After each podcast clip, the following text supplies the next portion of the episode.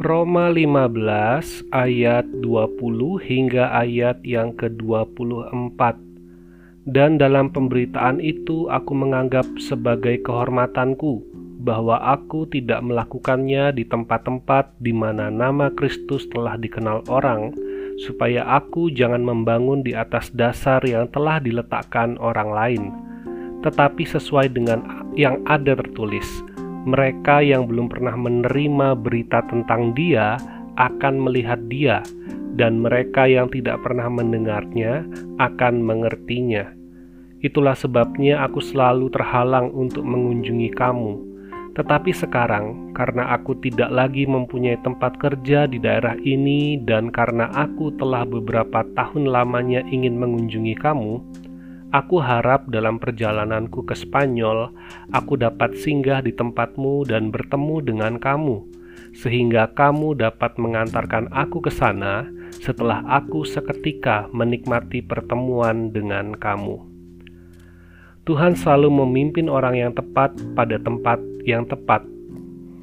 Jemaat di Roma tidak dibentuk atau tidak didirikan oleh Paulus Paulus ingin menunjukkan bahwa keberadaan masing-masing orang di sana adalah di dalam pimpinan Tuhan.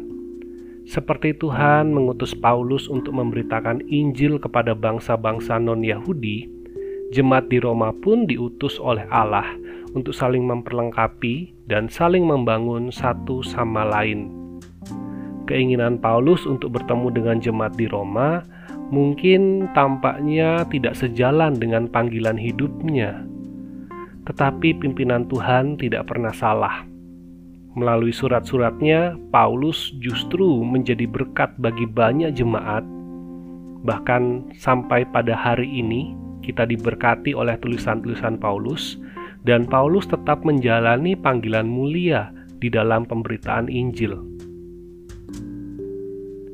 suatu hal yang menjadi penghiburan bagi kita bahwa di dalam keadaan-keadaan yang sulit dan yang tidak sesuai dengan keinginan dan harapan kita, Tuhan tetap memakai kita untuk memuliakan namanya. Ingatlah senantiasa akan panggilan Tuhan pada kita.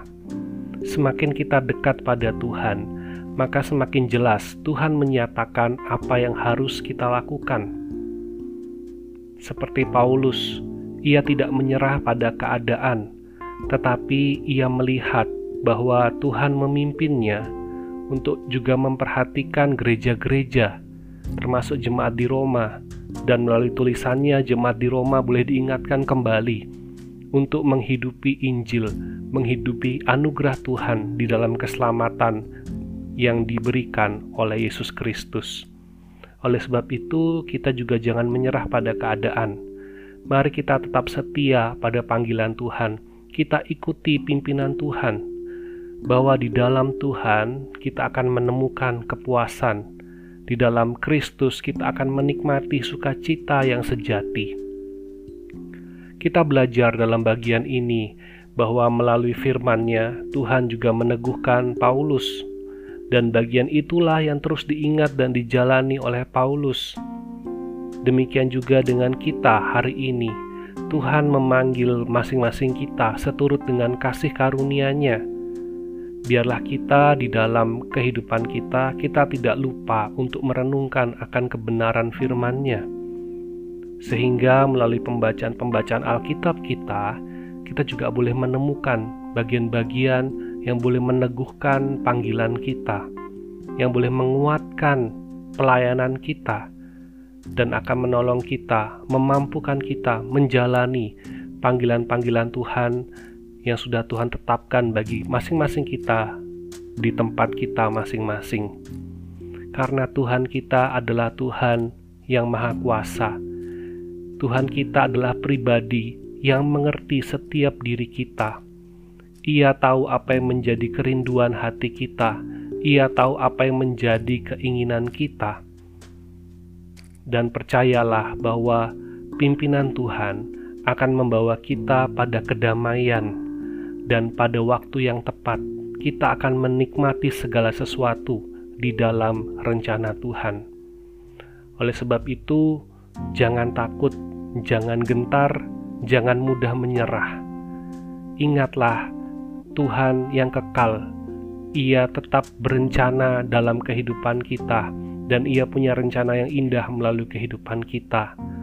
Tuhan beserta kita. Mari kita menjalani hari di dalam pimpinan Tuhan, kita menjalani pelayanan kita di dalam pimpinan Tuhan. Biarlah ini boleh meneguhkan iman kita, meneguhkan keyakinan kita bahwa Tuhan sudah memanggil kita masing-masing di tempat yang sudah Tuhan tetapkan, dan biarlah itu boleh kita jalani dengan penuh keyakinan. Selamat menjalani hari. Tuhan Yesus memberkati.